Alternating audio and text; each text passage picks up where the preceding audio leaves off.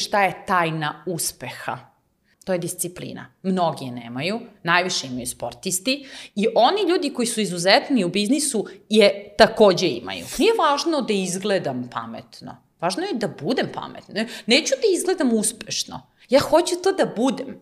Ja ne prihvatam da geografija određuje koliko ja mogu da uzmem od sveta. Uzit ću sve, ali ću i dati sve da bi to mogla da klejmujem. Mreža ljudi koji će vam pomoći savetom, preporukom, tako što će stati iza vas, um, se gradi kada vam ne treba. Jer kada vam treba, nećete dobiti ono što vam je potrebno ili ćete platiti jako skupo. Mnogi ljudi koje poznajem su zaista uspešni jer su zadovoljni. Iako ima puno onih koji mnogo imaju, ali su po mom kriterijumu neuspešni. Taj unutrašnji osjećaj balansa i ispunjenja onog što možemo da budemo je zapravo ultimativna mera uspeha.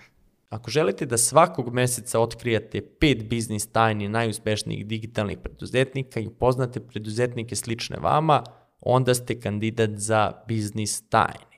Link za privu se nalazi u opisu podcasta ili na sajtu biznistajne.com, a svako ko dođe preko linka iz ovog podcasta ima 20% popusta na prvi mesec. Neko skaliranje Postoji dalje, neki ono level up. Ako ćemo da krenemo. Prije za to.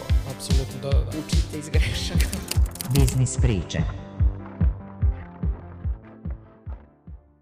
Dobrodošli u treću sezonu najgledanijeg biznis podcasta u regionu, podcasta Biznis priče.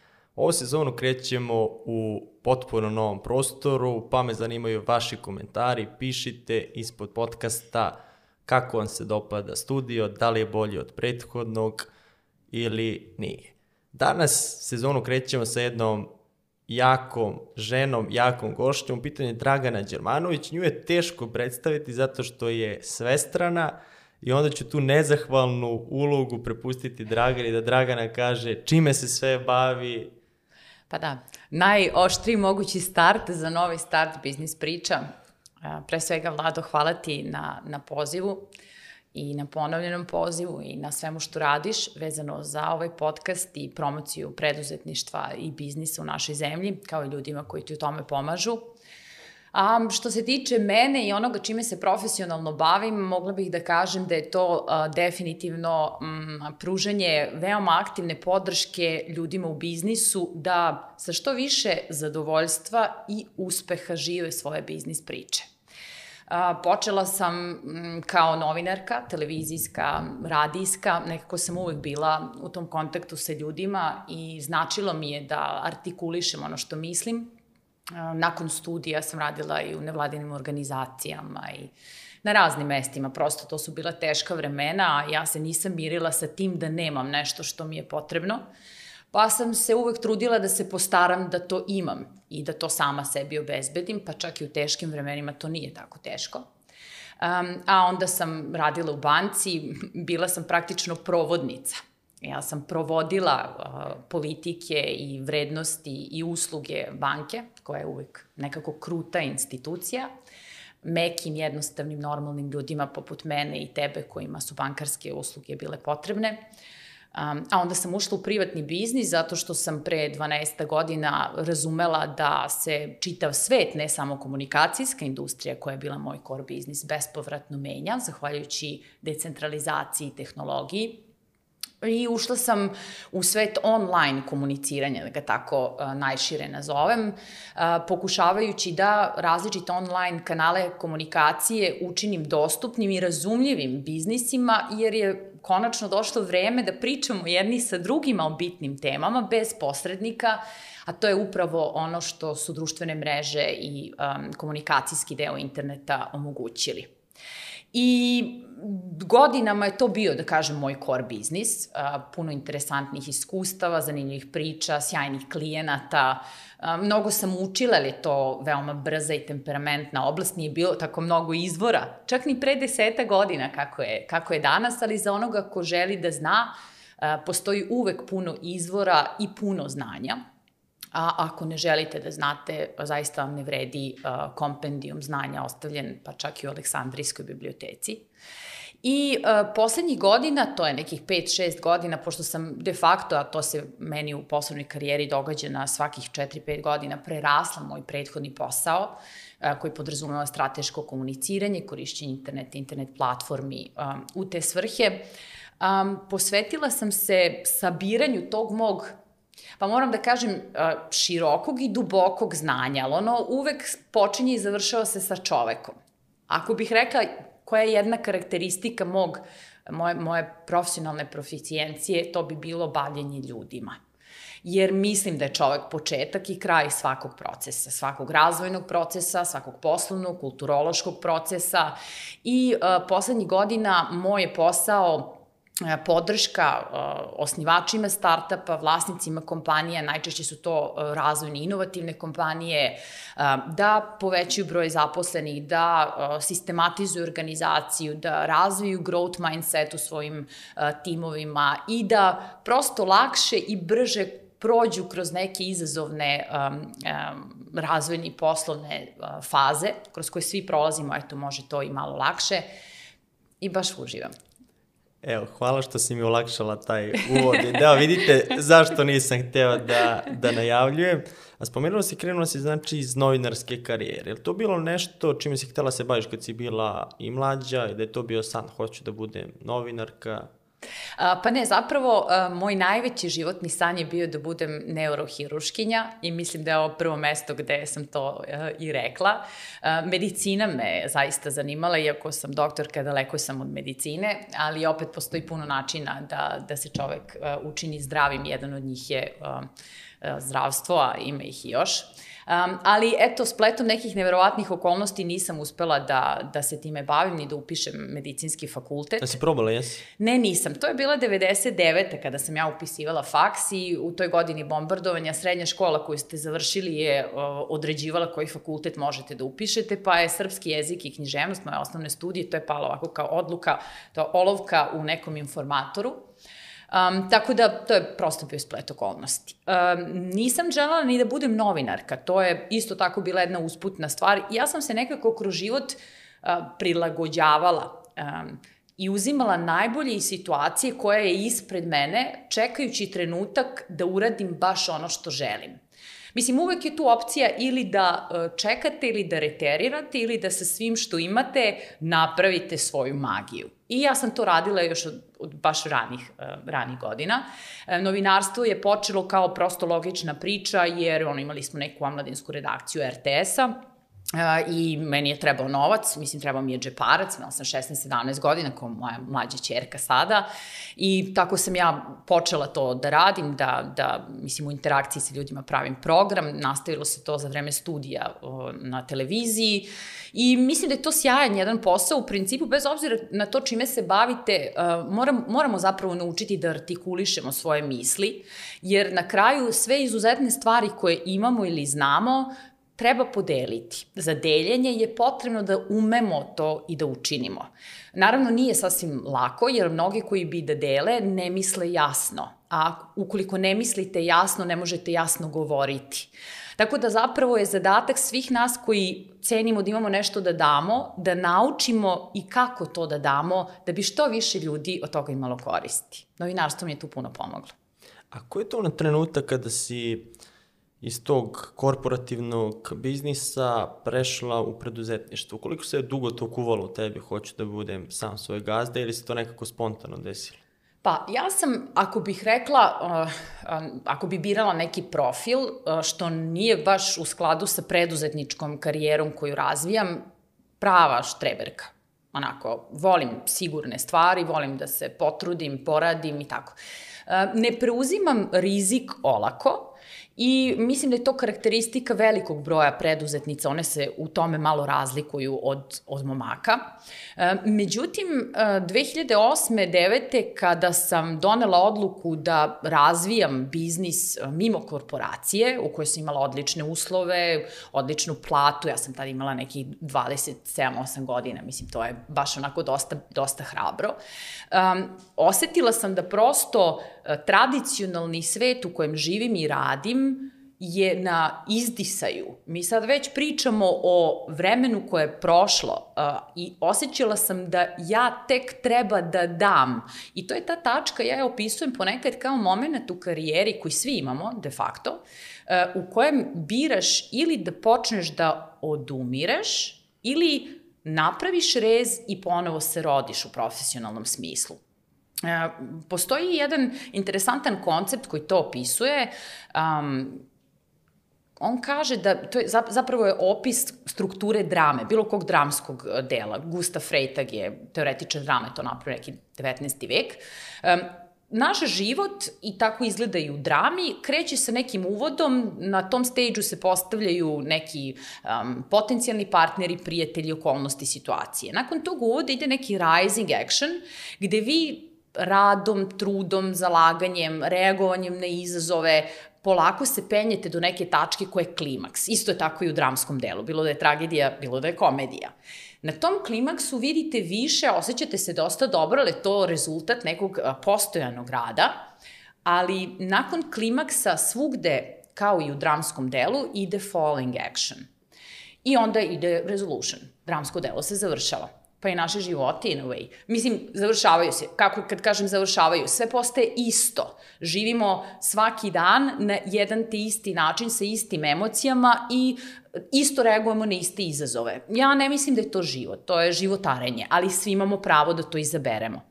Lepota koncepte koji sam ja usvojila gledajući tako interesantne stvari i, i različite oblasti je da sam razumela da je falling action zapravo jedan novi rising action do još jednog, do višeg klimaksa, do novog klimaksa i onda sam ih ja tako nizala kroz život.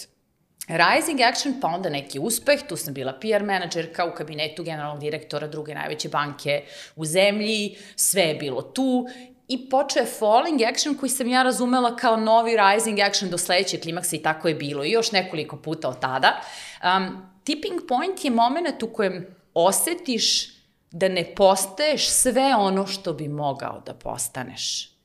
I da nisam odreagovala, a verujem da mnogi koji ne odreaguju kroz to prođu, razvila bi tu takozvanu kognitivnu disonancu, to disaglasje sa samom sobom. Ja nemam drugih zadataka u životu osim da budem verna sebi. Kad sam verna sebi, sve što radim je dostojno mojih potencijala. Ta vrsta hrabrosti je samo zapravo lep, pristojan odnos koji imamo do sebe i do svojih vrednosti. Mislim da svi treba da budemo toliko pristojni. A to možda je izdaja sebe. Ako radimo protiv, protiv sebe, da kažem, ostali smo na toj poziciji, znam da je nešto za mene bolje, ali ja sam tu zato što je siguran, to je možda i izdaja. Pa, verovatno si u pravu u određenom smislu, ali a, pošto i sami sebi sudimo, onda ta izdaja prođe neprimećeno, iz početka.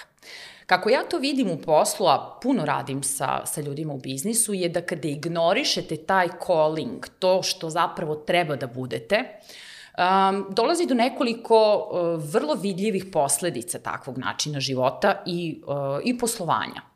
Prvo, osjećate neku vrstu nelagode koja se pretvara u neke psihofizičke simptome, neke nesanice, neke anksioznosti, povećava se kroz vreme količina alkohola, um, smanjuju se fizičke aktivnosti, pojavljaju se različite autoimune bolesti. Dakle, telo reaguje na ono što ne dajemo svom potencijalu. Prenosi se to i nadalje. Ja poznajem puno ljudi koji su ekstremno da kažem uspešni, a o uspehu kao, mislim, definiciji uspeha sigurno možemo da pričamo, um, ali koji imaju sve, da tako kažem, jako uspešne biznise, puno ljudi, izuzetne proizvode ili usluge, osvojili su različite tržišta i uh, ne mogu ti reći uh, da, da osjećam da su zadovoljni. Uh, I iz tog razloga moguće da su izdali sebe jer uh, posle nekog vremena u biznisu shvatiš da to koliko ti osjećaš da si veran sebi postaje kriterijum uspeha. Možeš da imaš bilo šta na balance sheets, možeš da imaš bilo koliko ljudi i naravno možeš da izabereš da tako nastaviš da posluješ. Ali mislim da možemo mnogo više. Ova definicija uspeha koju si spomenula, šta je uspeh po tebi, po tvojom mišljenju?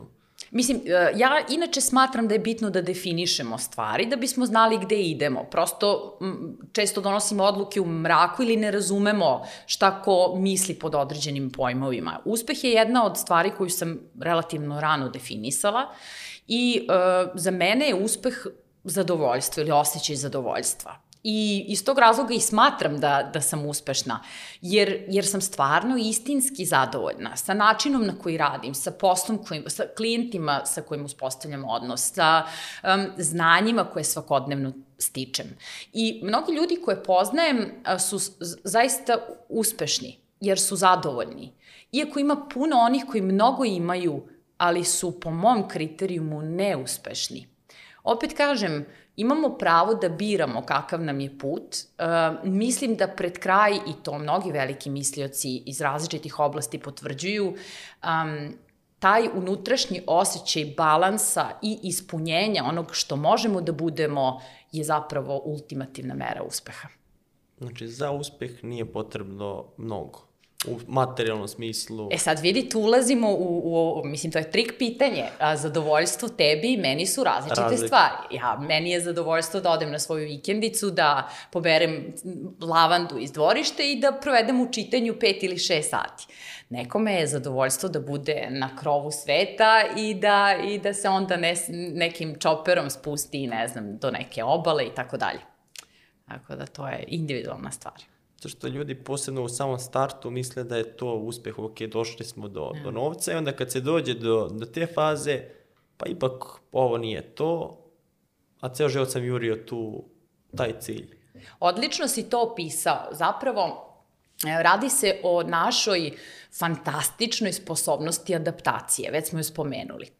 Dakle, mi smo veoma adapt, adaptivni, prilagodljivi, što znači da sve ono što je loše, mi se na to naviknemo, a naviknemo se i na dobro. I e, taj prag e, stimulacije mora da se povećava. Što znači da ako danas imaš uspešnu firmu sa 500 zaposlenih i imaš profit od 5 miliona, e, to će biti super, ali te neće dugo držati, jer ćeš da navikneš na taj život, na taj tempo, na tu potrošnju, pa i na tu odgovornost. To znači da je praktično uh, jedan jedini put da ostaneš tako zadovoljan kako si sada, da radiš više. Zašto? Zato što se ti na svakom nivou prilagođavaš onome što imaš, bilo da je to više ili manje.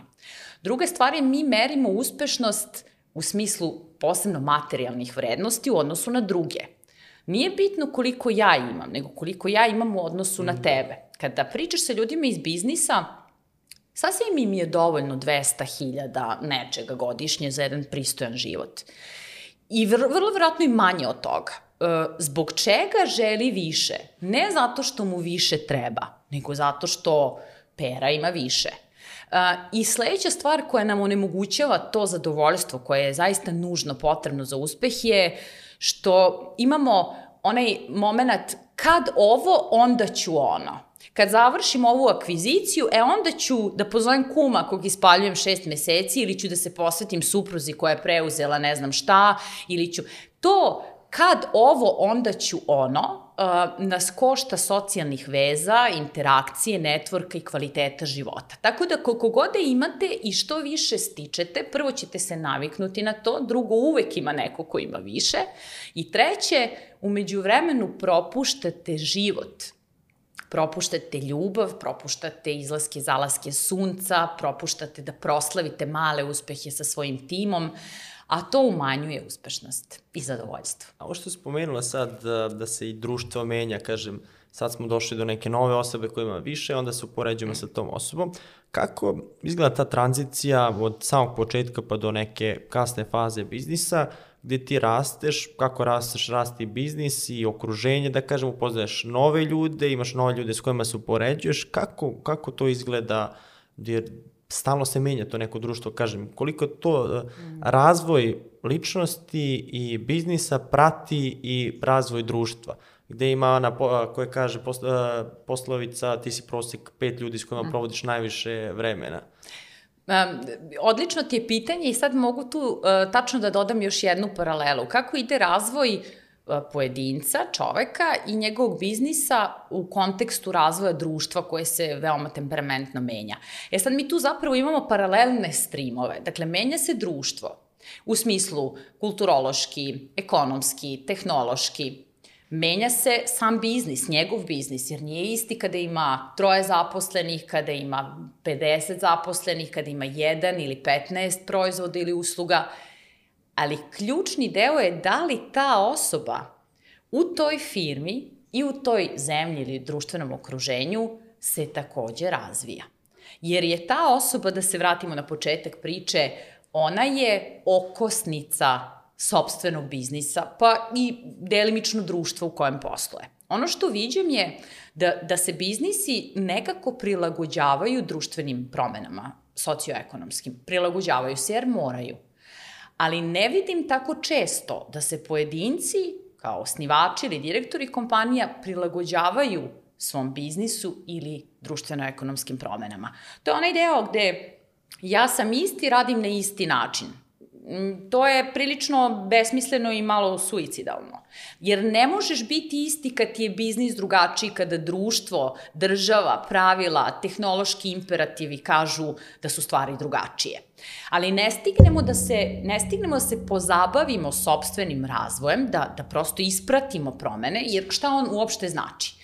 Kad, kad god pričamo o razvoju, a to je na kraju krajeva moj posao, vidim da u principu ljudi ne razumeju o čemu, o čemu se tu govori. Ok, kao svi mi, kao ono, lifelong learning, idemo, uvek ima nešto novo da se nauči. Floskule razumemo, ali ne razumemo šta znači raditi na sebi. E sad ne znam da li ti je to tema pa da, da produžim. Te, to je odlična tema. Šta znači to raditi na, na sebi? E, uh, to čitam knjige, E, baš i to, zbog toga mislim da je možda i važno da, da to malo pojasnimo. Naravno, ovo je moja perspektiva, lična i profesionalna. E, evo ka, kako to izgleda. E, imate biznis e, i postigli ste određene rezultate. Da biste te rezultate postigli, morali ste ići onim rising actionom, znači morali ste ulagati vreme, strpljenje, praviti određene žrtve u životu, e, morali ste donositi određene odluke i taj put nije lak. Da biste postali carevi u onome čime se bavite, i svi tvoji gosti su manje više prošli kroz taj put, morate ići duboko. Za izuzetnost morate biti stvarno dobri, što znači ući duboko u svoju oblast i u njoj postati eksperti zaista eminentni. Ono što je problem je što kada dođete do nekog uspeha ili rezultata, dalje širenje i ekspanzija biznisa u smislu inovacija, novih tržišta, povećanja broja zaposlenih, ne zavisi od toga koliki ste eksperti, koliko duboko poznajete neku oblast, već od vaše širine, da povežete različite ideje, koncepte, da rekreirate i inovirate. Ali paradoks je u tome što ste morali da žrtvujete širinu da biste dobili dubinu. Da biste postali takvi carevi, vi ste morali da žrtvujete različite interesovanja, socijalne događaje, literaturu, možda obožavate science fiction, ali nemate vremena da to čitate zato što ima toliko management knjiga, pošto se bavite biznisom, morate da čitate management knjige i onda se cena dubine bez širine plaća kada posao treba da skalira. I e, razvoj ili, ili priča raste i razvoja podrazumeva da u svom planu kada mapirete koste, koste sve u životu i šta želite da budete, predvidi deo koji podrazumeva da svakoga dana ili svake sedmice ili svakog meseca možete da istražujete stvari koje najizgled nisu povezane sa onim čime se bavite. Da imate razgovore sa ljudima za koje inače nemate vremena koji unose drugačiju perspektivu. Da odvojite vreme da odete na događaje na koje inače ne biste otišli, zato što će to biti, to vam je kao jungle, to je cela priča inovacijskog ekosistema, raznolikosti, neobičnosti koja daje tu magiju. Um, interesantan primer te širine je kada je jedan uh, industrijalac u Kanadi, McKeven se zove, mislim, 2000. godina, nakon što je kupio rudnike u Kanadi, slučajno na poziv druga otišao na neku open source konferenciju. Mislim, nema nikakve veze ni sa, sa kodiranjem, ni sa inženjeringom u tom smislu, ali je slušao predavanja. I kada je došao u kancelariju sledećeg dana, rekao je, pošto imamo problem da pronađemo rudu u našim rudnicima, hajde da raspišemo open call, kao neki ono crowd wisdom projekat, po modelu open source-a koji ga je inspirisao prethodnog dana i da pitamo statističare, inženjere, matematičare celog sveta da naprave neke estimacije gde bi ruda mogla biti. Ne treba ni da ti kažem koliki broj ljudi se javio, verovatno ni da ti kažem da su estimacije bile prilično dobre. Tri od svih tih estimacija su bile do, do, do najsitnijeg detalja tačne i omogućile čoveku da postane milijarder, a oni koji su izneli proračune su e, matematičari iz Australije koji nikad nisu bili u Kanadi, koji se nikada nisu bavili rudarstvom, ali ideja koju ćeš pokupiti ne na rudarskoj konferenciji, može da promeni ceo tvoj... Oni mogu da radi sve iste stvari kao sve njegove kolege i da dobije, kao što bi Einstein rekao, sve iste rezultate. Ali tu širinu žrtvujemo zbog dubine. To je u redu do neke tačke, samo ne zaboravite. Rast i razvoj, skaliranje uvek zavise i od širine i od dubine. I na to mislite na vreme. Moguće se izađe iz te klopke, da, da smo shvatili u nekom trenutku, ili treba neko da nam kaže da smo previše ušli duboko jer ne vidimo neke stvari, da li treba neko da nam dođe u biznis, u firmu, da vodi te stvari ako smo mi previše u toj specializaciji um, zaglibili. Zna, znaš kako, uh, iako, iako je to doslovce nešto što rade moje kolege i, i ja, ja sam mišljenja da vam ne trebaju nužno stručni ljudi, da vam budu ni mentori, ni savetnici, super je to i za mnoge stvari, mislim, donosi brže rezultate. Prosto ne morate da lutate i tako dalje, ali sasvim je dovoljno posebno ako ste mali i srednji biznis, ako nemate vremena, ako ne verujete baš tim i ne osjećate se komfortno s ljudima koji vam govore šta treba da radite, sasvim je dovoljno da oživite veze sa poznanicima, prijateljima, koji su takozvane weak ties, koji su, da kažem, slabe veze, koji nisu ljudi sa kojima se obično družite i viđate. Da postavljate pitanja, da se interesujete, da ih čak pitate o svom biznisu. Hoću da kažem, oko svakog od nas, počevši od naše dece, poznanika, komšija, prijatelja, kolega sa fakulteta, ono, drugara iz biznisa koje ne znamo, ali upoznajemo preko biznis priče. Svako od nas ima pul od desetina potencijalnih mentora i supervizora i ljudi koji nam mogu reći ono što treba da čujemo. Samo je pitanje da li to želimo da čujemo. Ako ne želimo, ne vredi nam niko, pa čak ni profesionalni growth guide. Ali verujte mi da u svom okruženju imate toliko bisera, pitajte, tražite i polako se uključujte u one mreže koje nisu običajne, jer te koje su običajne su vam vrlo verovatno već dale sve što bi mogle da vam daju.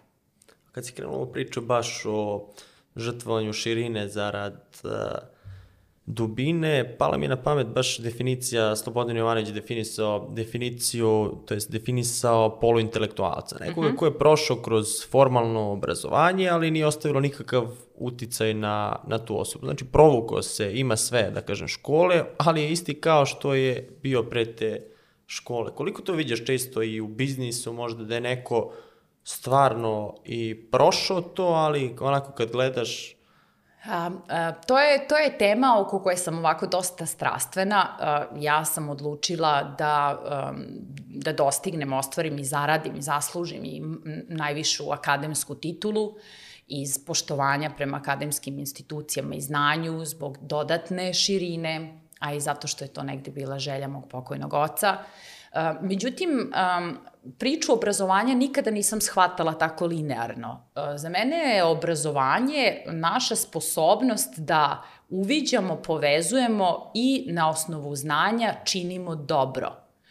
Da li ćemo znati manje ili više u formalnom ili neformalnom setupu, to zaista mislim da je irelevantno. Mi treba da radimo izuzetne stvari sa onim što znamo, gde god to znanje da prikupimo.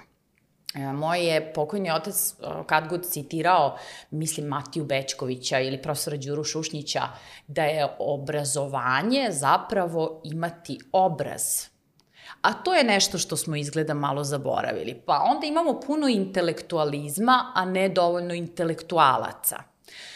inače, ta priča bilo kakve vrste klasterovanja je za mene sporna, jer uh, ja verujem da hijerarhija među svima nama postoji samo u delu perspektive.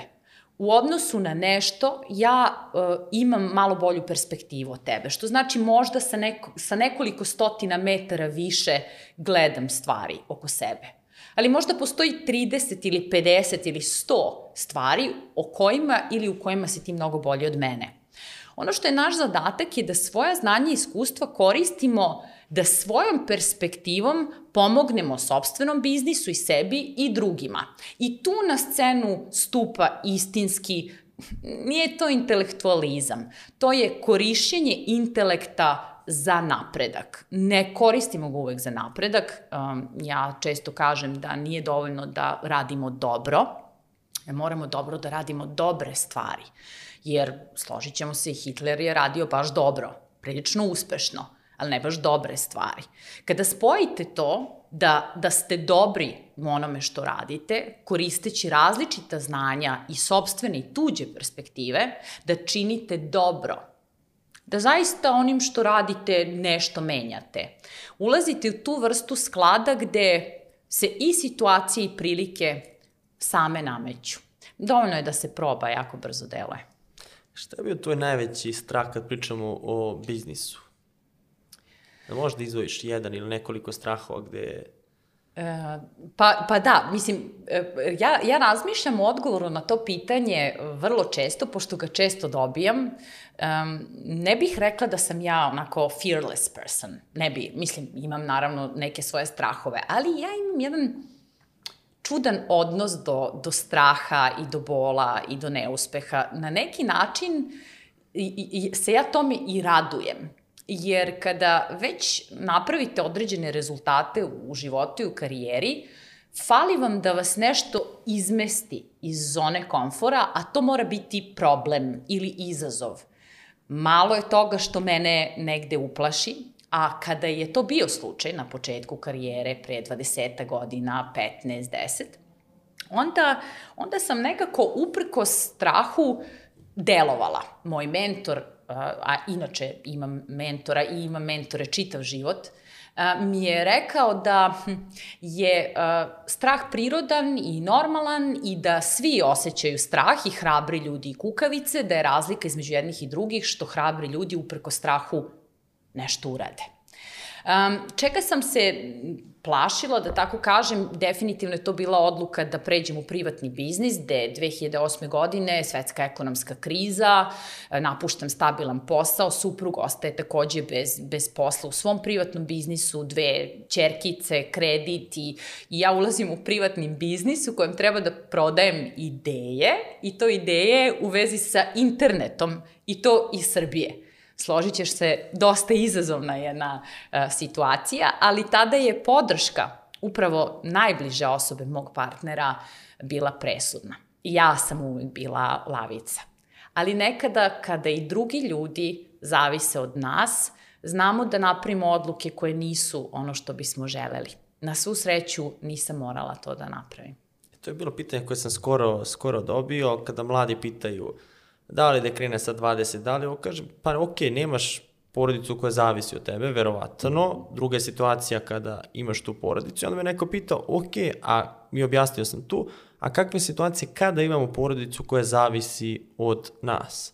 To je situacija koju si ti imala i kako su izgledala ta premišljanja, planiranja? Uh, uvek je teško kada, kada, pa na kraju i naši zaposleni zavise od naših odluka. Ja sam pre uh, šest godina zatvorila moju prethodnu firmu, imala sam blizu 40 zaposlenih od Kine do Amerike, i samo sam jedan dan, bio je 1. decembar, rekla te, nakon tri meseca od danas bit ćete slobodni na tržištu pa se pobrinite za sebe u to, u to vreme ta odluka naravno nije bila laka i, i ništa nije, mislim, nije lakše kada brineš o ljudima u firmi uh, u odnosu na to kad brineš o ljudima iz, iz, mislim, to je sve porodica. Posle ću ti reći zašto sam ovu odluku donala, ako bude interesantno, a jeste verovatno. Um, e, otežava zato što u tom momentu, mislim, na nas utiču uh, razne stvari, utiču okolnosti, utiču drugi ljudi, utiču naši paterni. Uh, Platon je još to opisivao kao, kao priču slona i mm, čoveka koji jaše slona, gde zapravo razum je taj koji je na slonu, ali slon je toliko jak i to je sve ono što je iracionalno, emocionalno, to su zablude, predrasude, različite manipulacije. Nama je teško da donesemo ispravne odluke.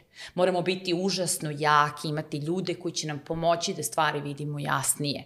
Kada je, kada je u pitanju još i emocija, preživljavanje ili budućnost, um, ono, pre, preživljavanje je u osnovi naših potreba i motivacija. Mi ne donosimo razumne odluke. Uh, ja u to vreme, i tada je bilo tako i to i danas radim, obavezno promenim perspektivu da bih donela jasniju odluku. Jer nešto što je dobro u tom trenutku može se ispostaviti kao pogubno nekoliko narednih godina. Mi moramo donositi odluke koje su dobre. Nekad su one lake, nekada nisu. Ali ono što one treba da budu je da su dobre. I kako dođem do dobre odluke i uprko strahu i uprko različitim izazovima promenim perspektivu. Perspektivu možemo promeniti na različite načine. Najlakši je, kao što sam spomenula, taj da pitamo drugačije ljude. Da, da ljudima koji nisu u toj situaciji ili nisu bili, opišemo i da nam oni kažu kako je vide. Vrlo je zanimljivo pitati ne znam, mog pokojnog oca koji je bio prosvetni radnik i profesor i nikad u privatnom biznisu, kako bi ti tata razrešio otpuštanje 40 ljudi i potpuni restart biznisa? I ono što dobijete kao insight od ljudi koji su drugačiji, ozbiljno utiče na vašu perspektivu. Ne promeni bitno vaš način razmišljanja, ali vam da ideje koje su interesantne, onako, potpuno divergentno. Drugi način da promenite perspektivu je da otputujete negde.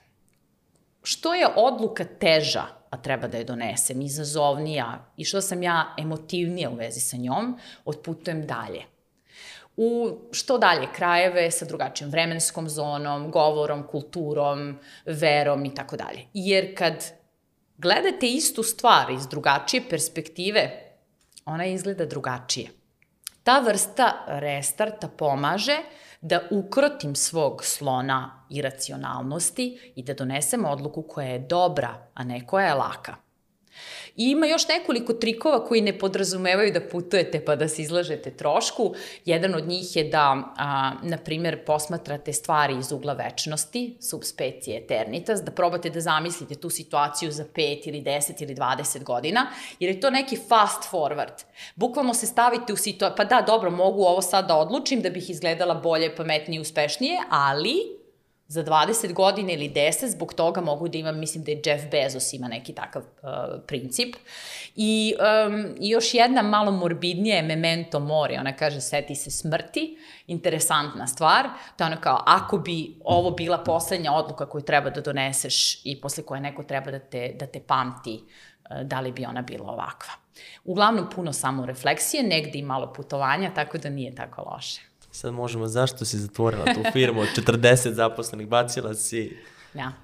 Pa to je definitivno u biznisu uh, najteža odluka koju sam donela. Uh, godinu i po dana pre te odluke je moj suprug imao saobraćenu nezgodu i imao je dosta posledice, nekoliko operacija. Nakon toga je oporavak nije bio lak. Um, a imam, imam dve čerke, inače one su sada 20 i 16, tada su bile malene, Nina je prelazila u srednju školu, a Jovana tek u peti razred, velika je ozbiljna emocionalna i, i fizička tra, transformacija i procenila sam da sa mojim ljudima u, u kući ili kod kuće uh, potrebna u potpunosti. Uh, bez ikakvog odlačenja pažnje, razmišljanja o klijentima, iako smo tad imali veoma atraktivne klijente, pa između ostalog i Novak Đoković nam je bio klijent i, i njemu sam, njega sam i njegov tim obavestila da prekidam saradnju, to je i dan danas, mislim, poslednji, mislim, prvi i poslednji put da, da je neko rekao njima da ne može da nastavi saradnju. Razlog je taj što prosto sam napravila izbor koji je za mene mnogo važniji, a ne mogu da radim, a da ne dam najbolje od sebe. I, I taj izbor bih ponovila. Uh, bila sam uz Ninu i Jovanu, pomogla sam Nikoli koliko god je bilo potrebno, znala sam da ću sve stići, da sam, da sam osetila da sve može da funkcioniše, ali to je problem malih kompanija. Um, problem je taj što ste vi identifikacija kompanije. Vi ste garancija neke sigurnosti i bezbednosti. Um, nisam bila dovoljno mudra da kroz godine, jer je rast bio dosta brz i puno toga se učilo, da napravim strukturu i organizaciju u kojoj firma nisam ja, A to je zaista ključno. E onda ako bih ja morala da promenim fokus, što je tada bio slučaj, i ta firma bi izgubila na značaju. Sa druge strane, a, negde sam osetila da treba da se restartujem i umeđu vremenu uspela da doktoriram, što je super i ovi moji malci su porasli i postale časne devojke, tako da nije laka, ali je sigurno baš, baš bila dobra Koliko ti je trebalo da doneseš konačnu odluku tu? Preko godinu dana. Godinu dana sam se pripremila. Dakle, odmah nakon te nezgode i raspleta situacije, ja sam videla da to neće ići tako brzo. I onda sam godinu dana na različite načine pokušavala da, da to sortiram i videla sam da trpi kvalitet na svim poljima. Um, moj kredo u biznisu je da sa kvalitetom nema kompromisa. To je nešto oko čega nikad i ni na koji način ne pravim kompromis. Ako ne mogu da ga dam po kriterijumima koje ja definišem, a oni su prilično visoki, onda nisam u biznisu. Koliko ti je trebalo da izađeš iz te faze? Doktorirala si umeđu vremenu i kad se ponovo rodila, to je ne želja nego mogućnost, ajde idem ja u biznis ponovo. Pa, mislim, istina je da ja nisam nikada prestala da radim. Tako da i taj period, eh, da kažem, tranzicije, pa i do, do sad zauzimanja ovih nekih novih pozicija gde se bavim poslovnim savjetovanjem, je, je bila onako, mislim, bluri. Nije to baš bilo, uvek sam imala klijente sa kojima sam radila, ljude sa kojima sam razmenjivala ideje, tako da nikad nije bilo prave, prave pauze, moram biti potpuno iskrena. Međutim, dobila sam vreme da saberem misli, da ispratim svoj uh, razvoj, da izbalansiram dubinu sa širinom, i da dođem do odgovora na pitanje ko sam ja i šta ja od sebe i biznisa za sebe i svet želim. I to su ekstremno bitna pitanja, kada ih negde um, postavite i dobijete odgovor na njih sa 35, onda je stvarno svet vaš, ali nikad nije kasno da se ta pitanja postave i da se na njih dobije odgovor. I meni je postalo sasvim jasno da um, meni ne treba spotlight, da meni ne trebaju velike reči, veliki biznisi, da ono što ja želim je da sve što znam i mogu uh, podam i razmenim sa ljudima kako bi njihov put bio lakši. Veliki deo onog što radim je i danas, kao što je bio pro bono, to je nekih trećina mog ukupnog vremena, I mnogi, verovatno i neki koji prate ovaj tvoj podcast, znaju da redke su prilike da nekome zatreba uh, savet, podrška, preporuka, netvorka, da ja nisam tu. Hoću da kažem, to je moje opredeljenje, bez obzira na to da li ja od toga prihodujem ili ne. I da nije bilo te pauze, možda bih samo nastavila kao hrčak u tom točku da se vrtim, da povećavam broj ljudi, da povećavam broj tržišta, da povećavam profit, ali mi ne treba. Sve što imam je i onako daleko više nego što mi je potrebno. Mislim da možemo da živimo mnogo jednostavnije. A u kom trenutku možemo da spoznamo to što je sad rekla, da možemo jednostavnije? Može to, na primjer, neko da uh, nauči da razume iz razgovora? Znači, ti si sad mm. nekome rekla, ej, nije ti to ni potrebno, ili mora da dođe do tog stadijuma i da sam prepozna da kaže, pa ipak je bilo u pravu. Šta ti misliš? Pa mislim da mora da, da se dođe, da se dođe do, do tog stadijuma i da se onda kaže upada. Da rekli su. Mor, izgleda da mora da bude bolno. Nije to uvek slučaj kada se istrenirate i kada sa druge strane radite sa ljudima koji su vaše ogledalo. Šta mi zaboravljamo? Mi zaboravljamo da mi ne možemo sebe do kraja da sagledamo. Ja to opisujem kroz jednu šašavu skraćenicu, blb, blb, koja nam, nam, nam nas ometa da praktično sagledamo sebe i donesemo mudre odluke. Prvo B je blind spots. Jednostavno ne vidimo. Mi ne možemo da vidimo celu sliku kad smo deo slike. To je prosto, pa to je na kraju krajeva fizika. L je za loose ends. To su on- one sve stvari koje vučemo za sobom, neki naši obrazci, neki naši osjećaj dugovanja drugima, neki naši nerazjašnjeni um, konflikti, pitanje i tako dalje. Imamo puno loose ends. I treće je bottlenecks.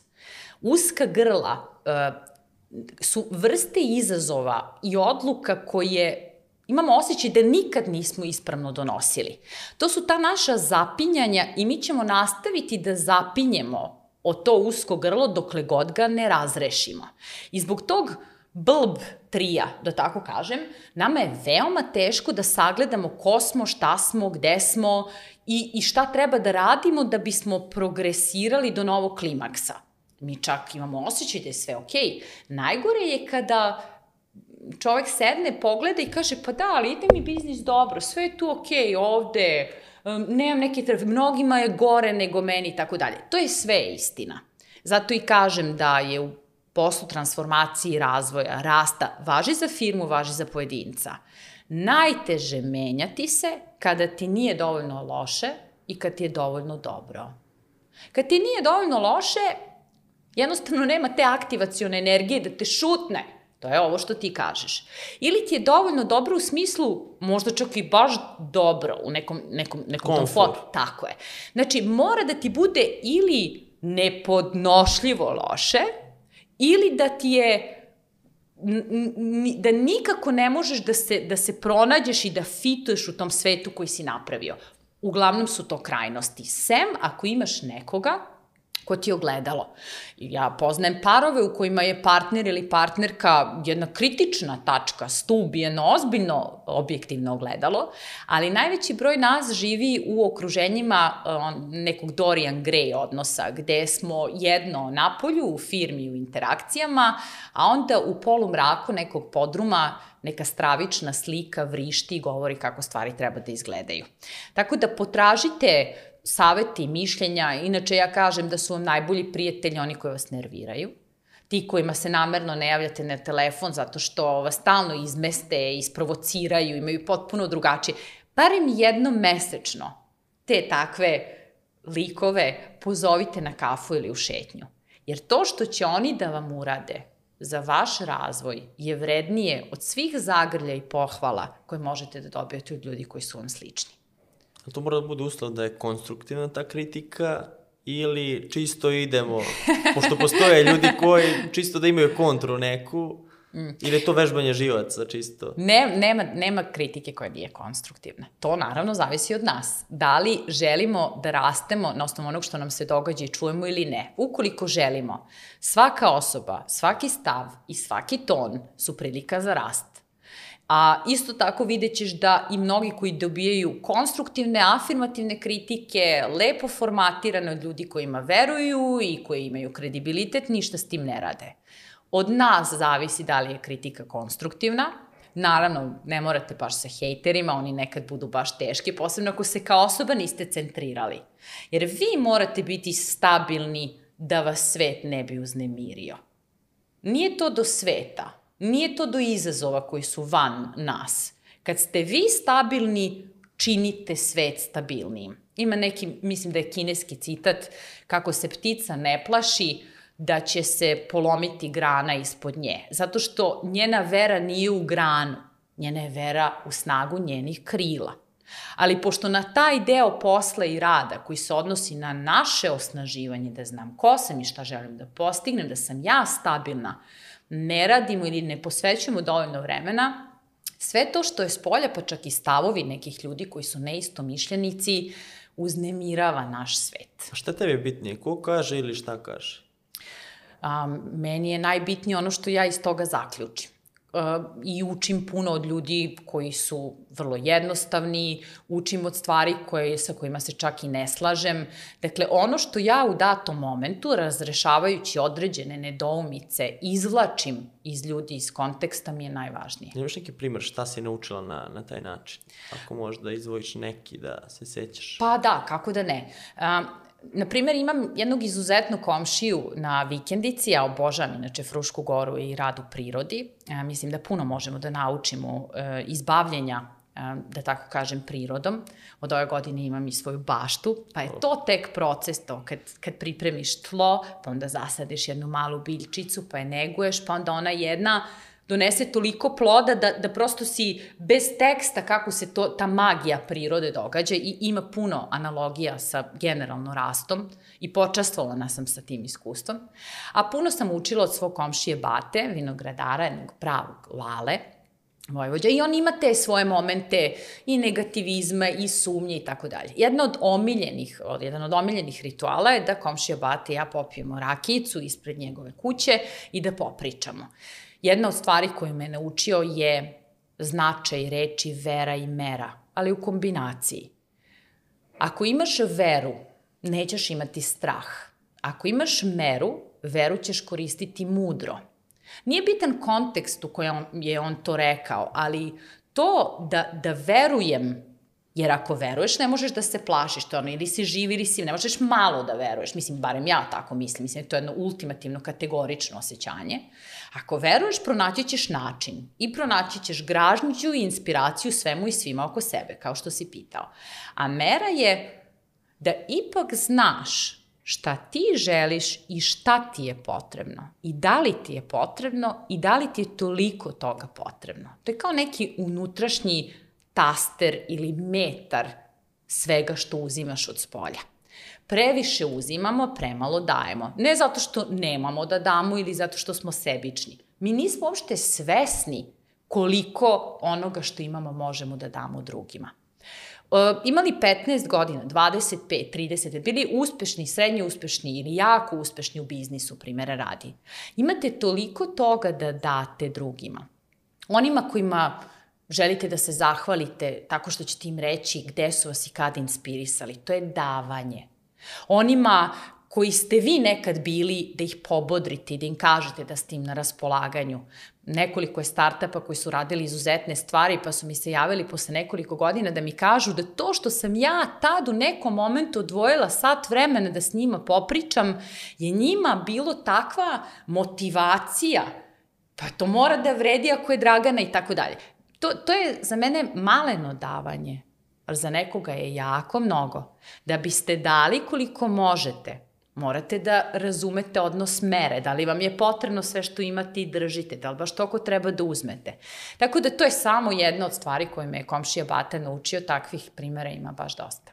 Pošto si rekla baš da, da ste se javili da su to primijenili posle par godina, A, koja je tu sad razlika gdje ti pričaš s nekim sat vremena, javi ti se posle par godina, a recimo da si imala 100 takvih sesija, da su ljudi prošli kroz te sesije ništa nisu, to jest nisu preuzeli akciju, to što si pričala, ostalo je tu, e, pa zatvorit ćemo, možda ćemo nekad, ili neko ko sluša sad ovo, jednu rečenicu možda ga pokrene na, na nešto, postoje ljudi koji, pa okay, čuli smo priču i tu stajemo. Pa, um, To, to je baš važno pitanje, zapravo. Uh, ja ga opisujem kroz um, odgovor na pitanje, jer ga isto tako dobijam, uh, odgovor na pitanje šta je tajna uspeha.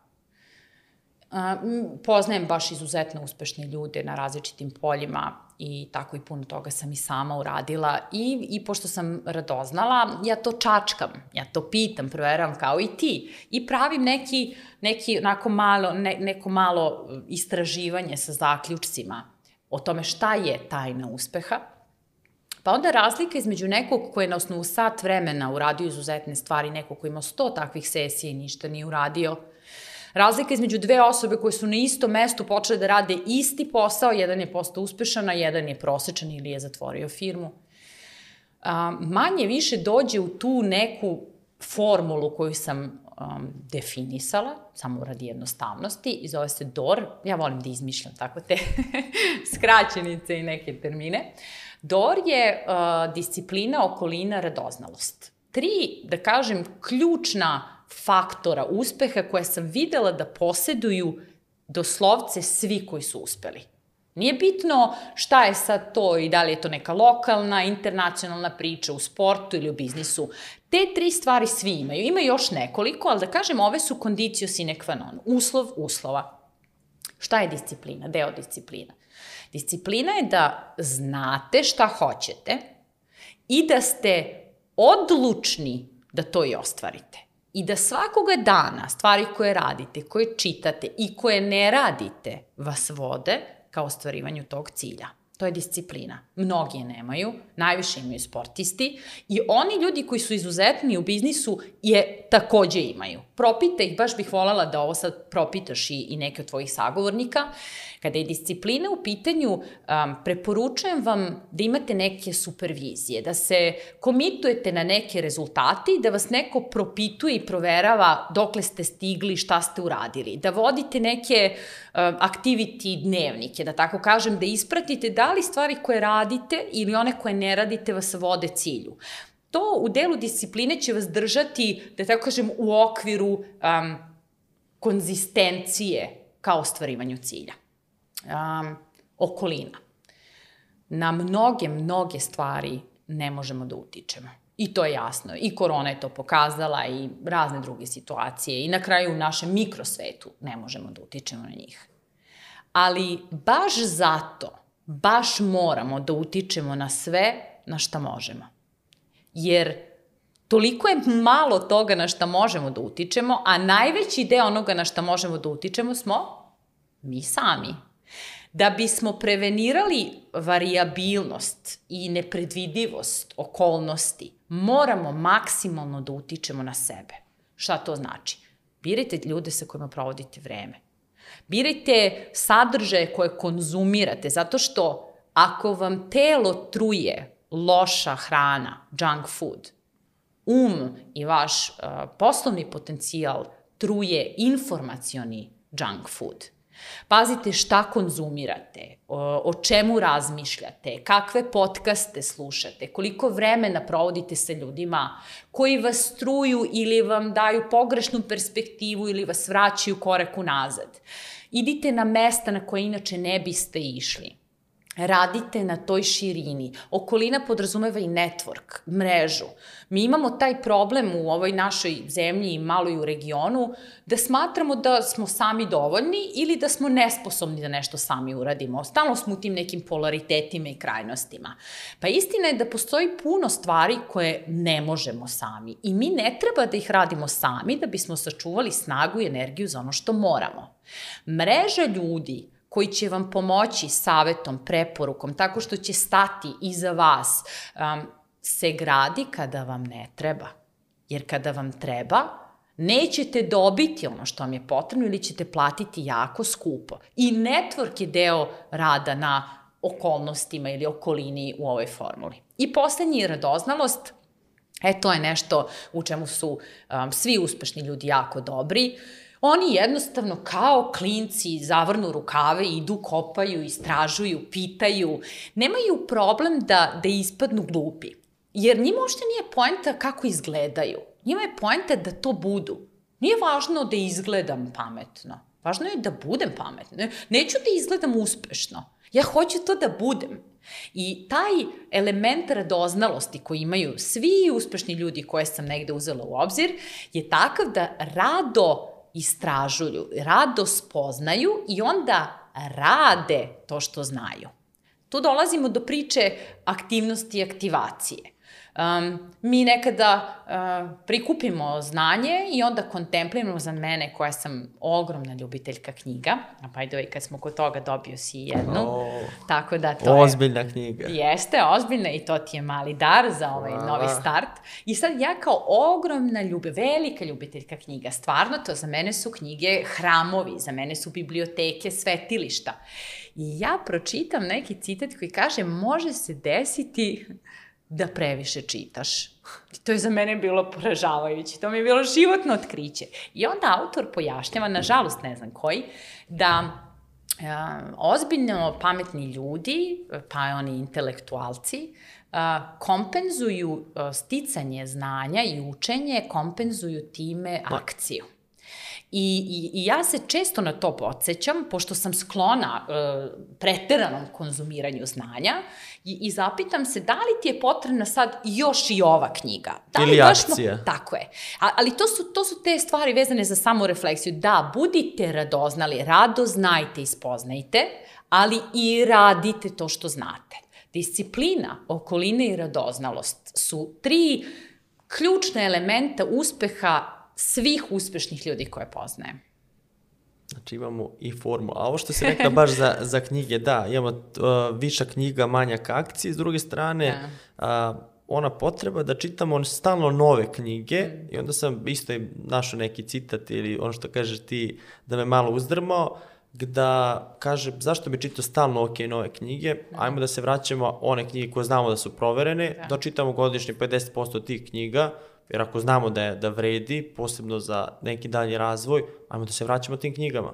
Mm, baš je interesantno razmišljanje. Ne znam da li misliš na starije poslovni menadžment knjige ili na klasike u književnosti? Pa više sam u ovoj drugoj fazi, presko, ne preskočio sam, nego pre kad sam bio mlađi čitao sam, nisam toliko čitao biznis, to jest nisam uopšte Aha. čitao biznis i onda sam tu nadogradio to znanje i onda sam se prebacio na biznis i onda sam primetio da osim na moru ne čitam ništa A. nevezano za biznis, samo biznis i I to je taj upad Ekspertiza, dubina. Eksper, ekspertiza i onda kao idemo more, tu čitamo, nema biznisa nikakvog mm. i onda tu kompenzujemo, a mislim baš na, na te biznis knjige, one koje sam, ne znam, ocenio ocenom 5, da znam da im se vraćam stalno mm. i onda godišnje, ajmo te knjige da obradimo ponovo iz početka.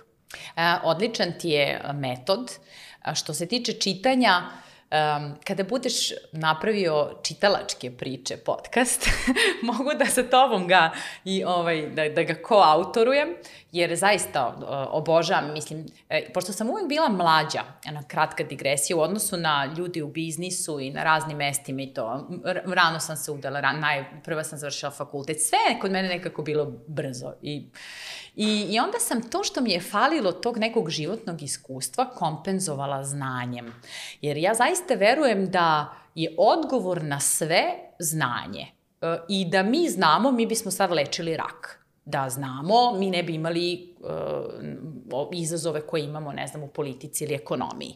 Mislim, dobro, ne stoji baš za ovo drugo, ali kako bilo, mi, znam, mi znanje možemo da rešimo sve izazove koji postoje. Ako ih ne rešamo ili nećemo, ili nemamo znanje. Dobro, možemo ga steći, ono se razvija, ono je na progresivna kategorija, ali zaista je nešto što daje odgovor na sva pitanja i vrlo verovatno ga ima u knjigama, u radovima i u iskustvima nekih drugih ljudi i ja to zovem po kišu civilizacijsko iskustvo.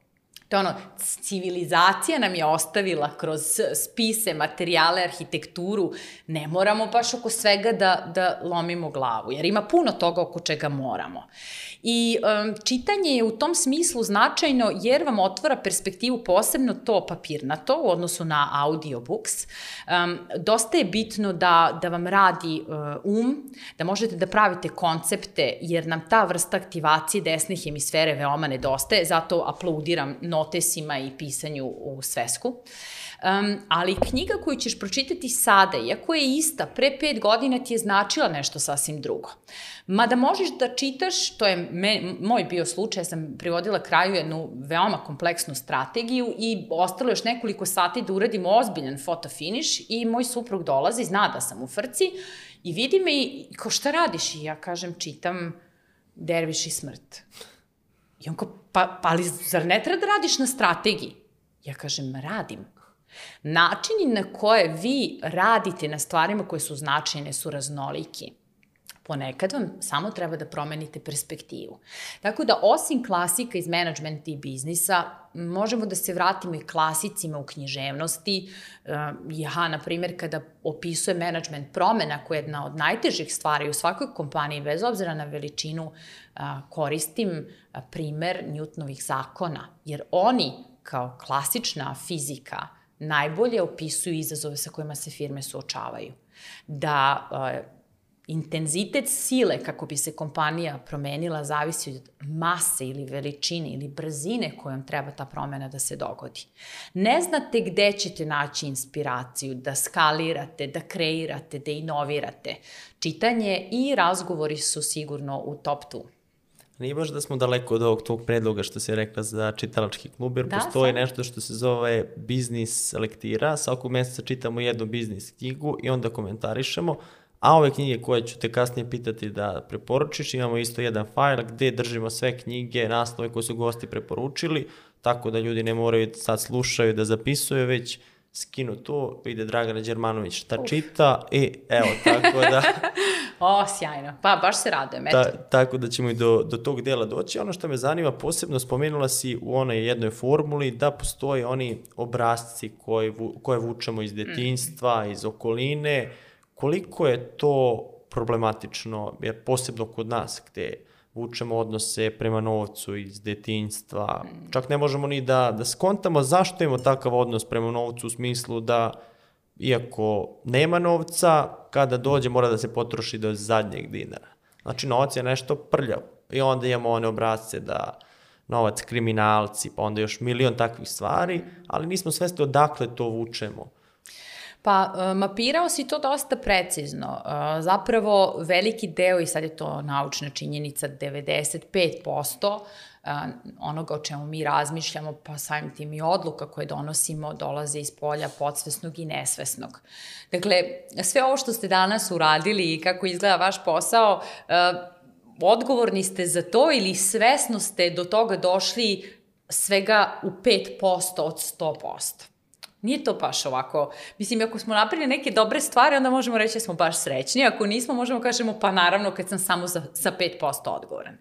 Nekada je to bila priča koliko dela mozga koristimo, na, da bome da koristimo ceo mozak, ali svesni smo svega, 9, svega 5 od 100% stvari, odluka, mišljenja, pa i obrazaca.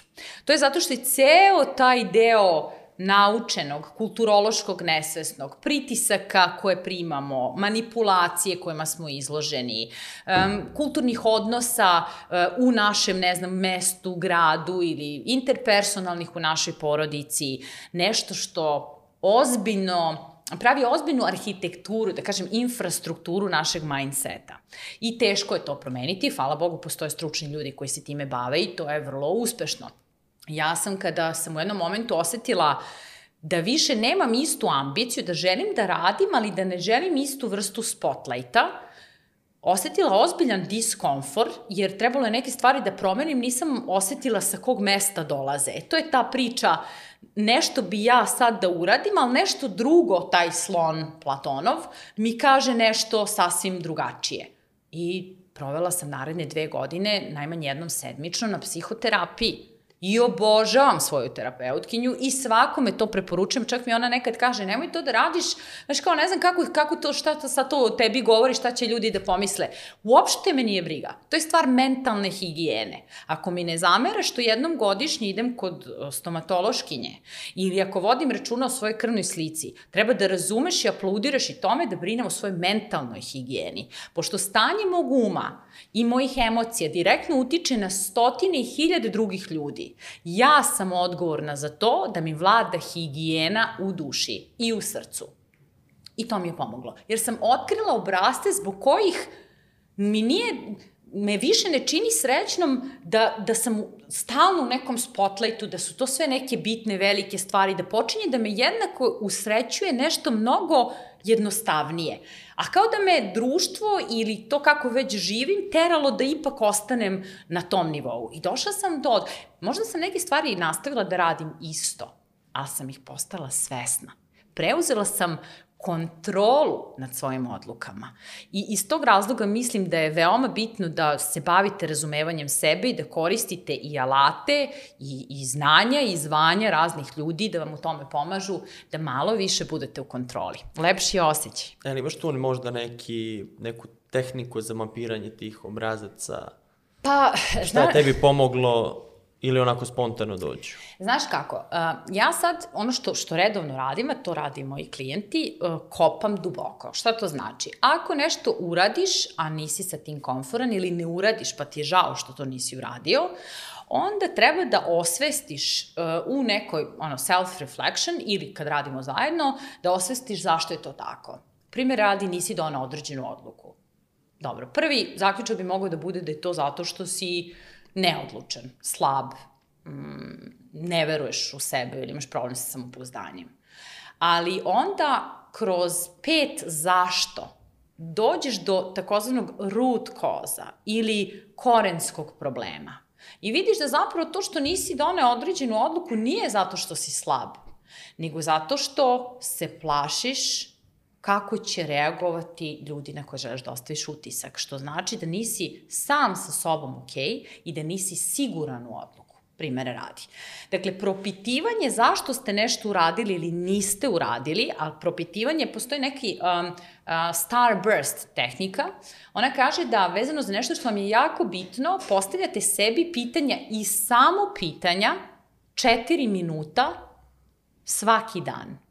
Znači, zamisli sad scenu u kojoj ti 4 minuta sad treba da biznis priče pokreneš kao globalni uh, startup na engleskom jeziku, gde ćemo praviti t-shirts, ono, master klasove, sve. Znači, evo, vlada podiže biznis gore. Ok. I to je velika i ozbiljna odluka. I onda četiri minuta narednih mesec dana samo izbacuješ pitanja u vezi sa tim. Uopšte nije bitno kakva su, ne pokušaš da odgovoriš na njih, ali pitanje za pitanjem za pitanjem vezano za tu temu. Najbolje da to usnimiš, sutra ponavljaš i ponavljaš i ponavljaš. Ne, znači da su pisao već da su usnimiš. Najbolje je da usnimiš jer ako budeš pisao tih 4 minuta će trajati duže. U čemu je stvar? Stvar je u tome da napriš trik tom svom svesnom umu. Da izvučeš ono što će te posle kočiti, a ono nije u svesti, kako smo malo prepričali.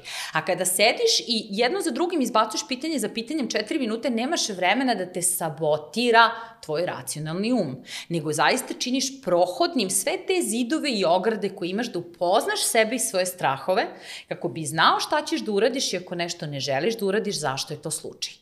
U svakom slučaju puno toga možete da napravite sami. Ja po nešto i podelim na blogu. Bilo bi mi drago da tvoji gledaoci postave pitanja ako imaju neke konkretne stvari, pa, pa prosledi i to ćemo, mislim, sve adresirati, poslaću vam izvore i tako baš sve to što imam je baš za sve. Možemo da ih eh, ohrabrimo i u komentarima da, da postavljaju pitanja. Slobodno. Pa... Ja obećavam da ću, da ću na sve da odgovorim na najbolji mogući način. Odlično. Znači, pišite komentare ispod podcasta na YouTube kanalu, a Dragana će odgovoriti. Tako je. A, a vrlo verovatno i vlada, pošto je on ima puno, puno, puno da kaže. Volela bih jednom prilikom da ja tebe ovako tvojim biznis pričama propri, propričam, propitam, zato što si ti napravio izuzetne stvari u tako malo vremena, služiš nam svima za primer, a, kao neko ko je preduzeo nešto vezano za stvari koje mu se ne dopadaju, zato mislim da si pravi preduzetnik i to je moja definicija preduzetništva i svi ti dugujemo jedno veliko hvala, jer to sigurno nije lako, ali nam daješ primer i inspirišeš da nešto preduzmemo kad mislimo da treba da bude bolje. Hvala na ovakvim rečima. Da. Ja, baš evo sad nemam ni, ni pitanje više. Sad si me, sad si me zmunila. e, to je još jedan bitan detalj uh, interakcija. Uh, ne koristimo dovoljno često priliku da kažemo ljudima neke dobre stvari.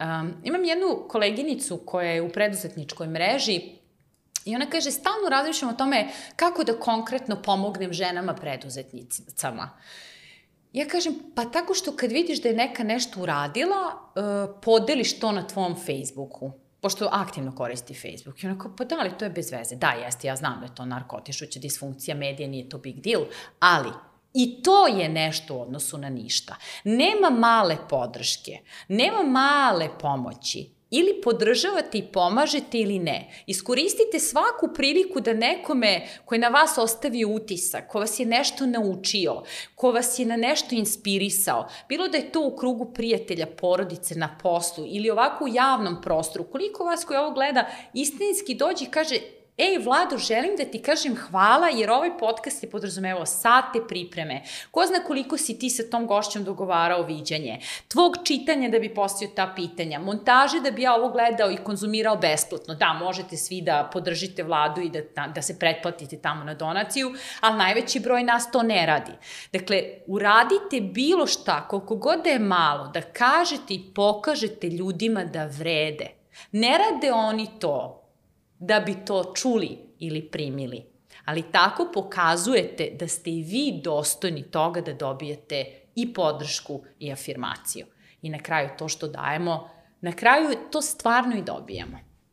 Eto, to je ovako neki Hvala, hvala ti za to, ali tu se onda nadovezujemo i na ono da moraš da daješ da bi dobio. Giver's gain. Tako je, baš je to tako. I to da daješ bez da razmišljaš.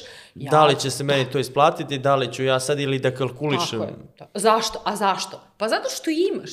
I zato što što vi, to je lepota um, razmene znanja, kontakata, svi tih lepih implicitnih stvari što se one samo povećavaju kad se daju. Um, isto je postojala neka priča, mislim da je Rousseau ili neko tako, ne zamerite mi što ne mogu da se setim.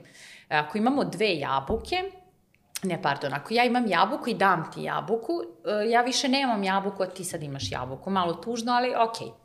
Ali ako ja imam ideju i dam je tebi, sad i ti imaš ideju i ja imam ideju, a možda zato što smo je razmenili, imamo i neku treću koja je rezultat tvog primanja moje ideje, tvog bogatstva i bogatstva tvoje, tvoje kreacije. Tako da sve što možete da podelite, a da je implicitno, da je znanje, da je podrška, da je informacija, da je inspiracija, učinite, jer imaćete više za još jednu osobu koja to ima. I onda još jednu, i onda još jednu. Tako zapravo nastaju velike promene.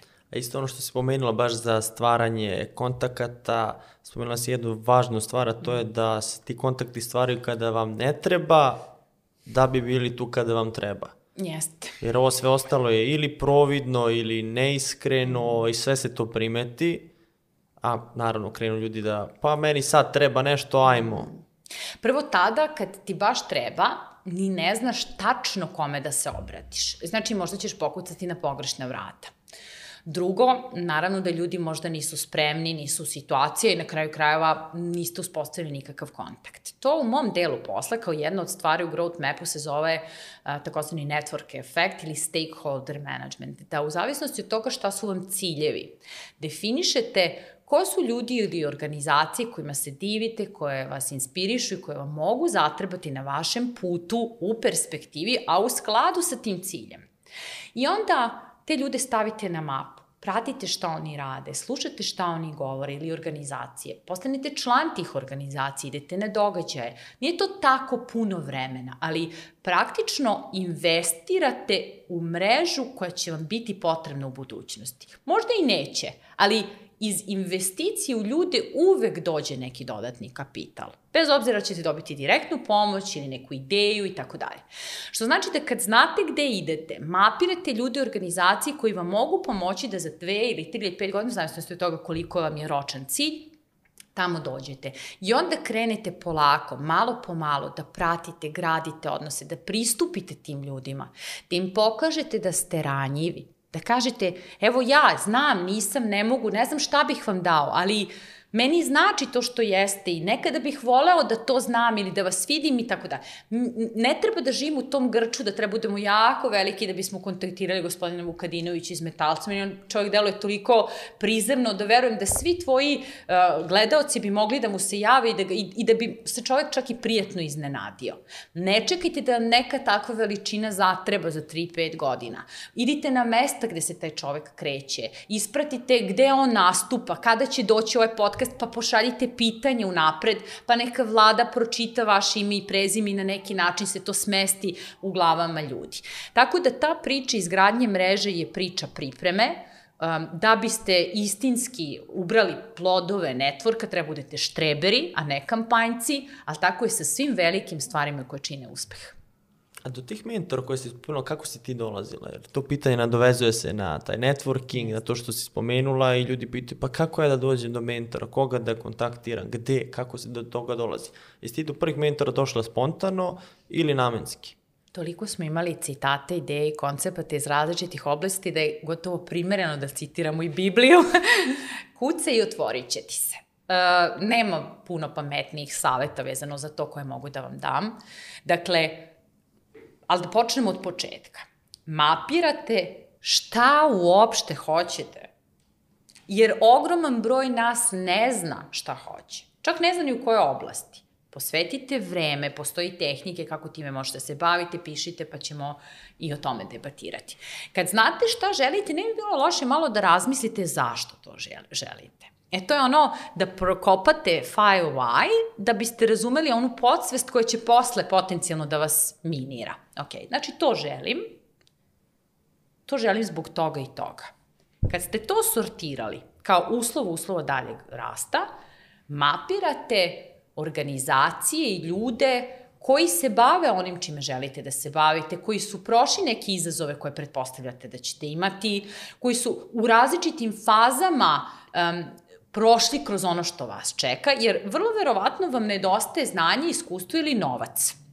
To su tri stvari na putu rasta koje najčešće ljudima nedostaju.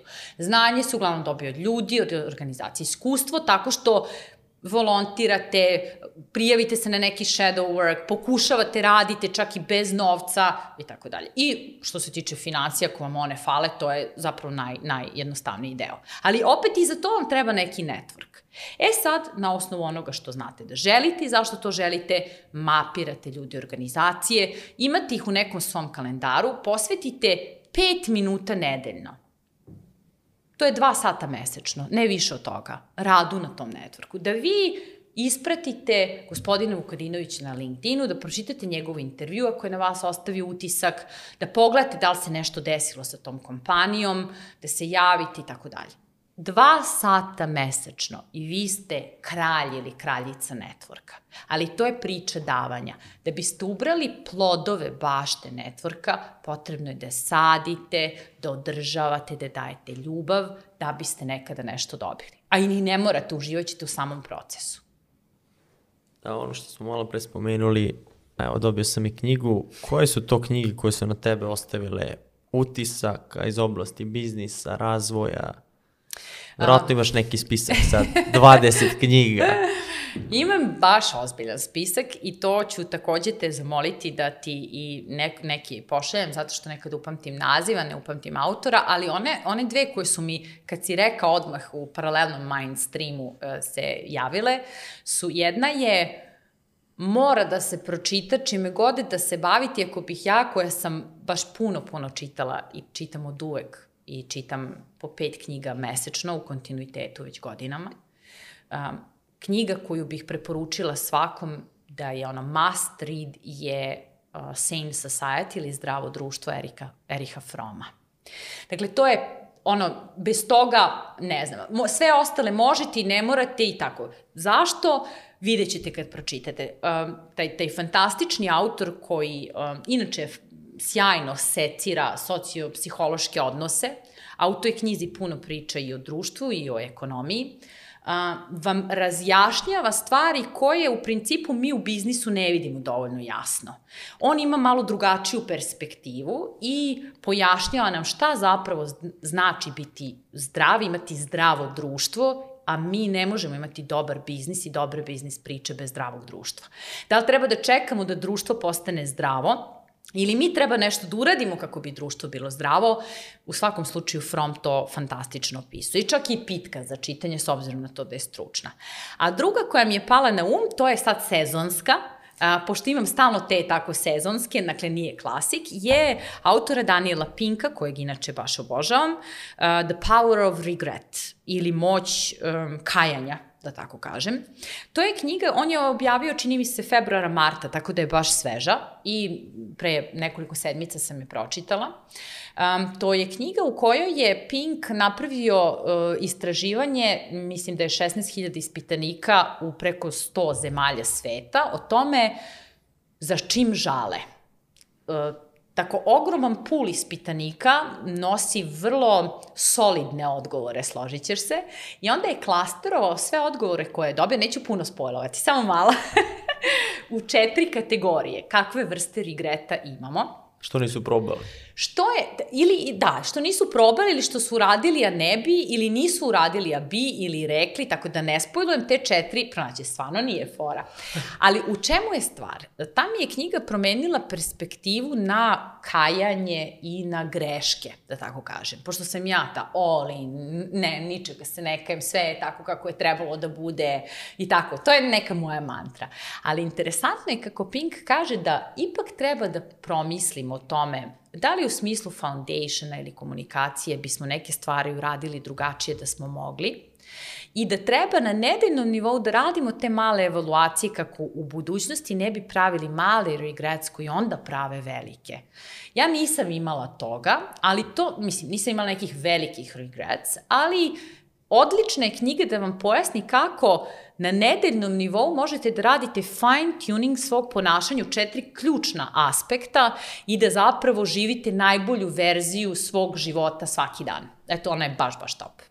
Znači, ovo su dve knjige koje ćemo da ubacimo, a šta si rekla, ti ćeš nam pustiti Pa još ako neku želite ili... listu, ja mogu da vam spremim listu i to onako po kategorijama. Kreativnost, lateralno mišljenje, tehnologija, management, socijalne nauke, pa ako vam je to Imaš zanimljivo. već spremnu listu. Pa imam, naravno. onda to pusti, pa ćemo dodati i to ko okay. voli da, da pročita. I sad, vidim da je često pitanje, posebno kod mlađih generacija koji imaju interesovanja ka biznisu, dosta se priča o tome, ti si prava osoba za, za to, ti si doktor nauka, pitanje je fakulteta. Ja svakog gosta pitam i ko je prošao kroz fakultet i ko nije, ja sam završio fakultet pa dam neko svoje mišljenje i zanima me tvoje mišljenje posebno za te mlađe koji se danas pitaju, kaže, da li meni treba fakultet da bih ušao u biznis, da bih ušao. I onda ja objašnjam da ti fakultet treba za druge stvari koje ti dobiješ na tom putu, ali ajde čujemo tebe, šta, šta bi ti poručila tim,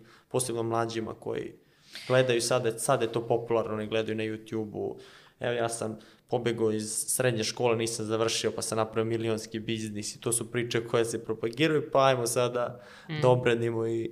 I te su priče istinite. Um, kako kaže Rolf Dobeli, eto, veština jasnog mišljenja, možeš dodati na Pišemo, spisak.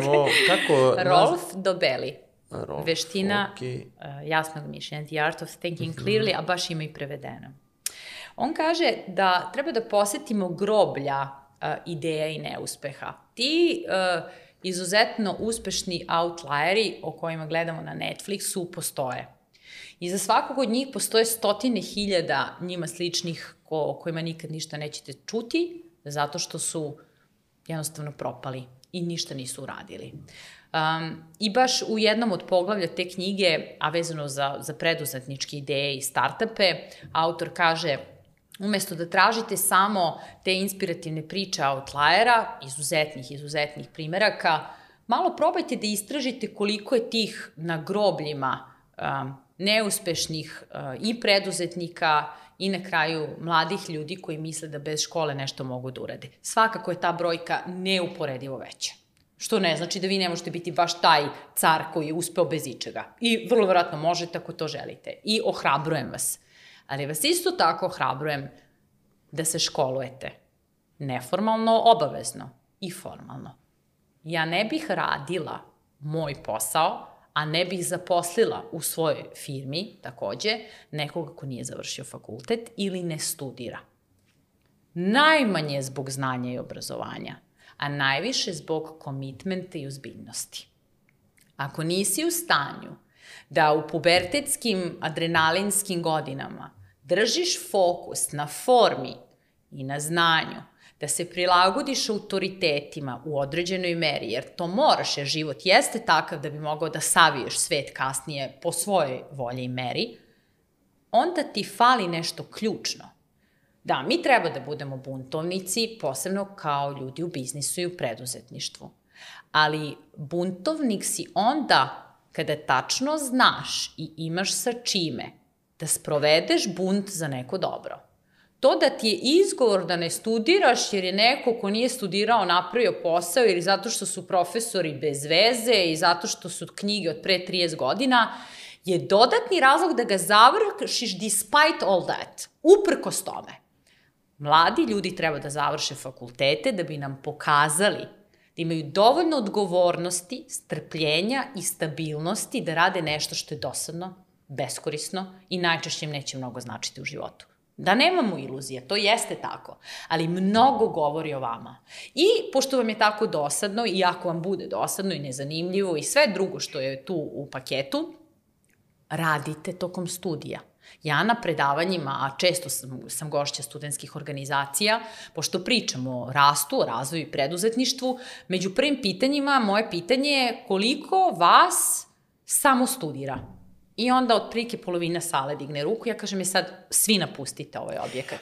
Bukvalno tako, svi napustite ovu salu o preduzetništvu i biznisu, ovde sa svim savetima koje ću nesebično da dam, treba slušaju oni koji uz studije imaju vremena da rade za novac ili čak besplatno. Postoje deca kojima novac nije nužan ili neophodan ili ne mogu da dođu do posla zato što nemaju iskustva, pa volontiraju da steknu iskustvo i da prošire network.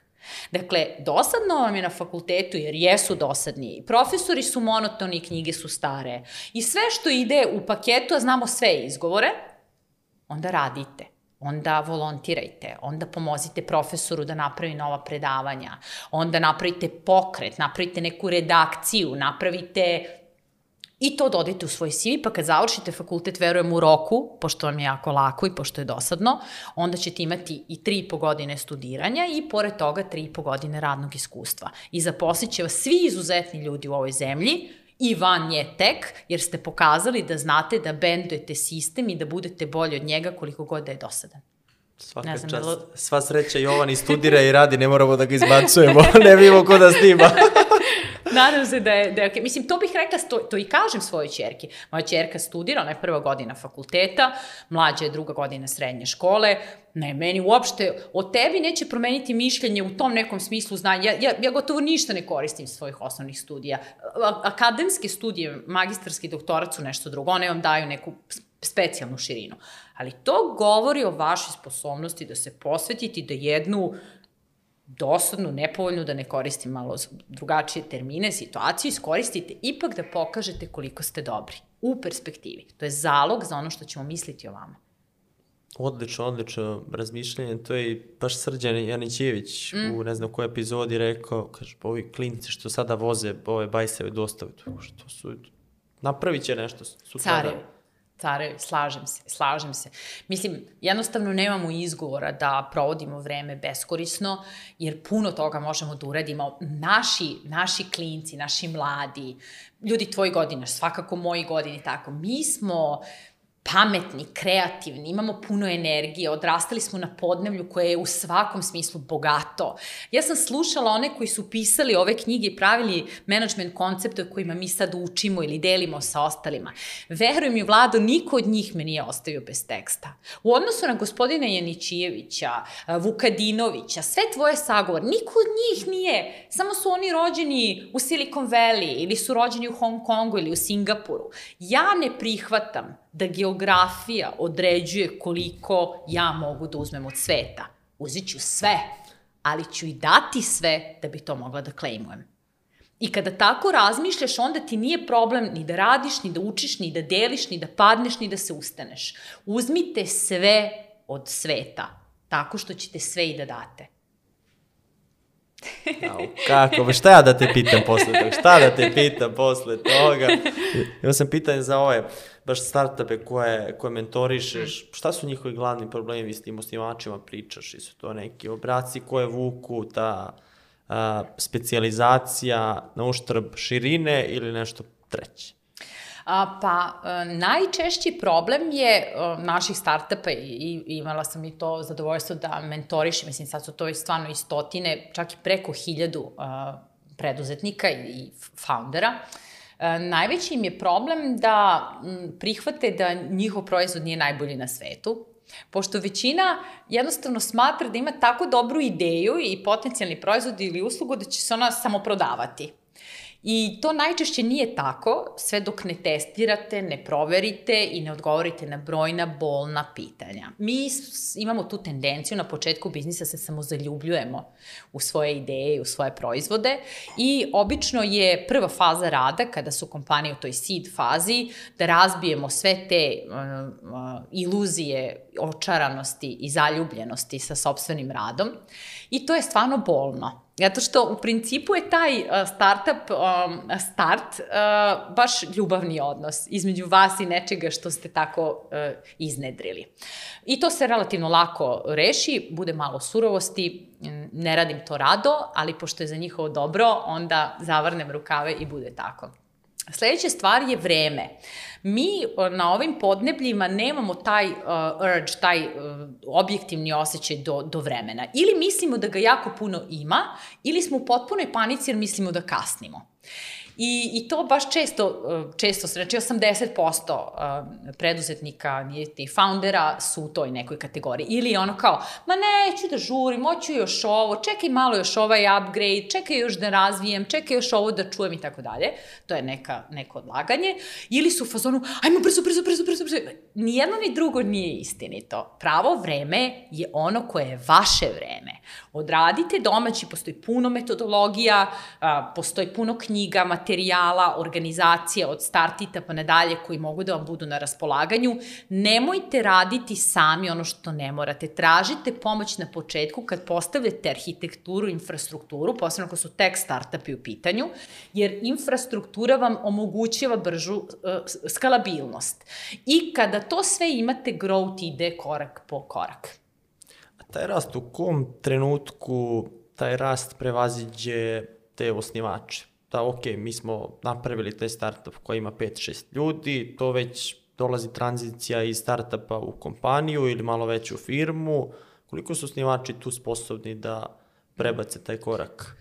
Pa po Greineru, to je jedan teoretičar oblasti um, koja je ovde adekvatna, to je faza delegiranja kada kompanija ima između 30 i 50 ljudi, gde je ta prva inicijalna očaranost idejom i to gde se svi znamo u firmi, svi smo kumovi, zajedno jedemo i tako dalje, polako počinje da se strukturira i sistematizuje, počinju da se odvajaju i segmentiraju posebne odeljenja u kompaniji, gde se neko saista bavi samo ljudskim resursima, a ne neko se bavi ljudskim resursima i marketingom i nabavkom i financijama i ne znam čime.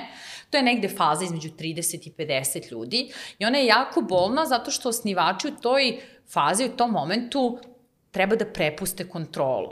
A treba da prvo pronađu, pa onda osnaže i predaju deo svojih zadataka tim ljudima. Delegiranje po definiciji podrazumeva ne da nekog uposli, što je upošljavanje, zapošljavanje, već da nekoga ko ima ozbiljne kapacitete, idealno kao ti ili slično, da mu daš da radi nešto što si ti radio do tada I da ti to uradiš i da se okreneš i da si s tim miran. Ne možeš da zamisliš koliko je to teško. Ali to je faza koja omogućava dalji rast ka strukturi i pravljenju sisteme i taj growth koji je od 50 do 200. Um, naši startupi kada dođu do te faze obično su već van Srbije e, ili su u Berlinu ili su u Silicon Valley-u, tako da naši konsultanti uglavnom nemaju sa njima kontakta u, u, toj, u toj fazi. Međutim, ja sam do prošle godine radila sa jednim češkim startupom koji je imao takav brz growth sa 50 na 300 u 12 meseci. Veliki je to pritisak, ali zajedno sa kolegama koje su se bavile organizacionim rastom i strukturom, ja sam se bavila rastom i razvojem ljudi, jer ti osnivači i članovi borda moraju da podnesu. Oni zapravo kao atlasi na svojim leđima nose rast kompanije. Sem ako se odluči da se profesionalizuje bord i da se dovedu ljudi sa iskustvom, nije ni to loše, ali u principu to je sad baš ono, ozbiljna, ozbiljna ozbiljna struka, ali možda je dobro da znate da šta god da vam se dešava, koji god da ste fazi, hiljade startapa svugde na svetu, mislim ne samo startapa u tek smislu, nego i, i e, preduzetnika je kroz to prošlo. Mala je šansa da, da naši ljudi imaju probleme koje već neko nije uspešno rešio. Samo Treba da se pokuca i otvorit će se. Ako delegiranje, nakon što se odlučimo, ok, prebacit ćemo to na drugu osobu, šta je još tu potrebno osim tog prelaska, to je da, da smo odlučili koliko treba da uložimo vremena sad, da, mentorišemo tu osobu, koliko treba da budemo skloni tim greškama, to je da prihvatimo greške, da naravno da će da se dešava, ali uzmi sam pa radi ako nećeš greške. Pa u toj fazi se uspostavlja takozvani, ja ga tako zovem, e, management koordinatni sistem. Dakle, tada već moraš da znaš u tvojoj firmi šta su vrednosti čemu firma teži, to su te popularno poznate misije, vizije, šta je princip u kojem se donose odluke, da bi ljudi mogli da donose odluke i sami, ne da čekaju da te nešto pitaju. To, to je taj takozvani sistem, koordinatni sistem gde se predefinišu pravila po kojima mi radimo i operišemo. Zašto je to bitno? Ne samo dok si ti u firmi kao osnivač i kao CEO, već i kad nisi tu, jer ćeš ići na razgovore, jurit ćeš investitore, imaćeš pičeve, imaćeš širenje na nova tržišta. Ljudi u kompaniji moraju da znaju kako da radi, kako da se ponašaju kada nisi tu. Uspostavljanje koordinatnog sistema je posao sigurno 3 do 6 meseci, gde definišeš ko je, zašto je ona takva, šta želi, šta želi da postigne na dužnjake, kako se definišu ciljevi, koja se metodologija koristi za to, kako se ona prati. Ako treba da doneseš odluku, koji mehanizam koristiš da bi to mogo da uradiš brzo, do kog nivoa, to je postavljanje koordinatnog sistema. Sledeća stvar u vođenju u toj fazi je konzistentnost. I to kod osnivača ne vidimo dovoljno često. Pošto su nesnađeni, jako se sve brzo događa, menjuju mišljenje, menjuju stavove. Um, jedan dan kažu jednu stvar, pa onda za nedlju dana, e, ne, ne, ne, ipak nećemo, nećemo ići na angel investment, um, podići ćemo kreditnu liniju, tražit ćemo, ne znam, subvenciju i tako. Ljudi gledaju te stvari, jer tada je sve vrlo rovito. Mislim, rovito je na svim nivoima i dolazi do, ja to zovem, uh, interferencijskog efekta, um, mislim, opet termin iz fizike, gde se potiru talasi. Znači, imaš talas jedne frekvencije, to je rekao CEO, onda odjednom kaže neš, nešto drugo za dva dana ili neko drugi iz borda i oni se potiru, ljudi su u potpunoj konfuziji i to osjećaju. Nije bitno što oni znaju, da oni znaju šta je poslednji update. Problem je što oni osjećaju tu vrstu konfuzije i ona im smeta. I treća stvar je, u sve to vreme raste i razvoja na putu do ozbiljne organizacije, kompanije i buduće korporacije. Um, kao neko ko vodi, morate voditi po primeru. To što napišete, što definišete kroz koordinatni sistem, što proklamujete, okačite na zidove, to ništa ne znači. Ljudi imaju senzore za autentičnost. Oni znaju kada je nešto bullshitting. Nemoj to ni da pišeš, ni da govoriš ako to nisi. Što znači, firma će vam biti onakva ne kako vi kažete, nego kakve vi jeste. Ako želite da bude drugačija, i vi morate biti drugačiji. Vodite po primeru, jer je to najlakše i najbrže. Ako ipak, uprkos tome što primer koji dajete je dobar, primetite neadekvatno ponašanje, nemojte ga tolerisati. Nećete moći ni da rastete, ni da vodite druge ljude ako niste u stanju da ih povredite. Ali to jednostavno ide u opisu posla. Koliko se tu kada pravimo paralelu između startupa gde se sve tu hodava i s druge strane korporacije, zanima me taj deo, to što si rekla, baš vođenje po primjeru. Koliko je u korporacijama to, tim velikim sistemima koji gaze ljude, koliko tu možemo da pričamo sad o tim stvarima, to jest priča se dosta o tim stvarima, da su nama ljudi na prvo mesto, nama su uvek ljudi na, na prvo mesto, kaže jedna od tri najveće laži. Mm. Koliko tu ima mesta uopšte za, za tu fleksibilnost, da ljudi stvarno budu na, na prvo mestu? Pa, I koliko je tu priče samo? korporacije, mislim korporacije, organizacije, to ja imam problem sa tom terminologijom zato što je to kao korpus i, to jest telo ili organizacije kao organizam, nešto živo. Znači, najmrtvije i izmišljenije uh, društveni konstrukcije, to su tako velike firme, imaju nazive po, po, po životnim a, organizmima, to po telu i tako dalje. Jako čudno. Verovatno je tako trebalo da bude. Ne, one su potpuno mrtve i statične. Sa izuzecima. Ja poznajem nekoliko CEO-a velikih internacionalnih kompanija, mnogi od njih su mi prijatelji, koji su divni ljudi i koji vode po primeru, iako su u kompanijama koje su krute, koje postoje 100 plus godina, koje nisu fleksibilne i tako dalje. Dakle, opet se vraćamo i na početak ovog našeg podcasta. Sve zavisi od čoveka.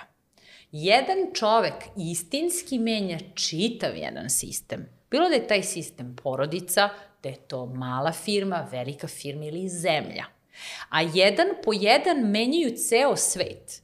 I postoje CEO i članovi borda različitih kompanija koje su krute i dosadne, vrlo rigidne, a koji imaju i senzibilitet, i emocionalnu inteligenciju, i sposobnost da se prilagode i tržištu i ljudima, Nema ih mnogo, ali ih ima. Nije nužno u korporacijama, zato što postoje hjerarhijske strukture koje se time bave na dnevnom nivou i veliki broj ljudi je konforan da radi u organizacijama u kojima je samo broj.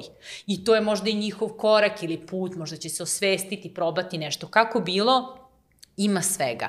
Ovi živopisni poslovi, posebno ovi startupski, novi inovacijski biznisi, oni zahtevaju da budemo dobri u biznisu, ali i dobri ljudi. Jer energija kojom privlačimo one sa kojima radimo, pa i investitore, je ona koja će biti presudna uz kvalitet ideje. Sad za kraj, šta bi poručila našim gledocima, slušalcima, onima koji žele da uđu u preduzetništvo, a da već nisi poručila, bi se bilo je... Pa, um, ako to već ne čine, a verujem da čine, uh, barem jednom sedmično uh, poslušajte i pogledajte uh, biznis priče, to što ste gledali i slušali ili vam je promaklo i druge slične i domaće i regionalne. Mislim, ja znam da i ti to sve podržavaš, ali ovo su mesta na kojima imate prilike da čujete stvarne ljude sa stvarnim problemima i koji odgovaraju na pitanja bez filtriranja. Ja verujem da nema ovde neke teške montaže koja će izbaciti bilo šta što kažemo. To je veliki korak. To je ulaganje u vas. Idite na mesta na kojima ćete čuti drugačije mišljenje i ja stvarno to verujem, iako zvuči skroz New Age i tako, a i mnogo puta sam videla, onoliko koliko budete mislili da možete da uradite, toliko ćete i uraditi. I onog momenta kada stvarno postanete sigurni da možete više, to ćete uraditi. Kažu da ne uspeju oni koji žele samo zato što se cenkaju sa cenom. Dakle, ili želite, pa ćete uraditi sve, ili želite, ali biste malo da se cenkate oko toga koliko je potrebno da spavate, da učite, da uložite. Ne cenkajte se sa svojim životom i kad nešto želite, budite odlučni da to i ostvarite. Dragana, hvala ti što si bila gošća, prva gošća sezone treće biznis priče. Hvala na pozivu. A mi se vidimo u narednoj biznis priči.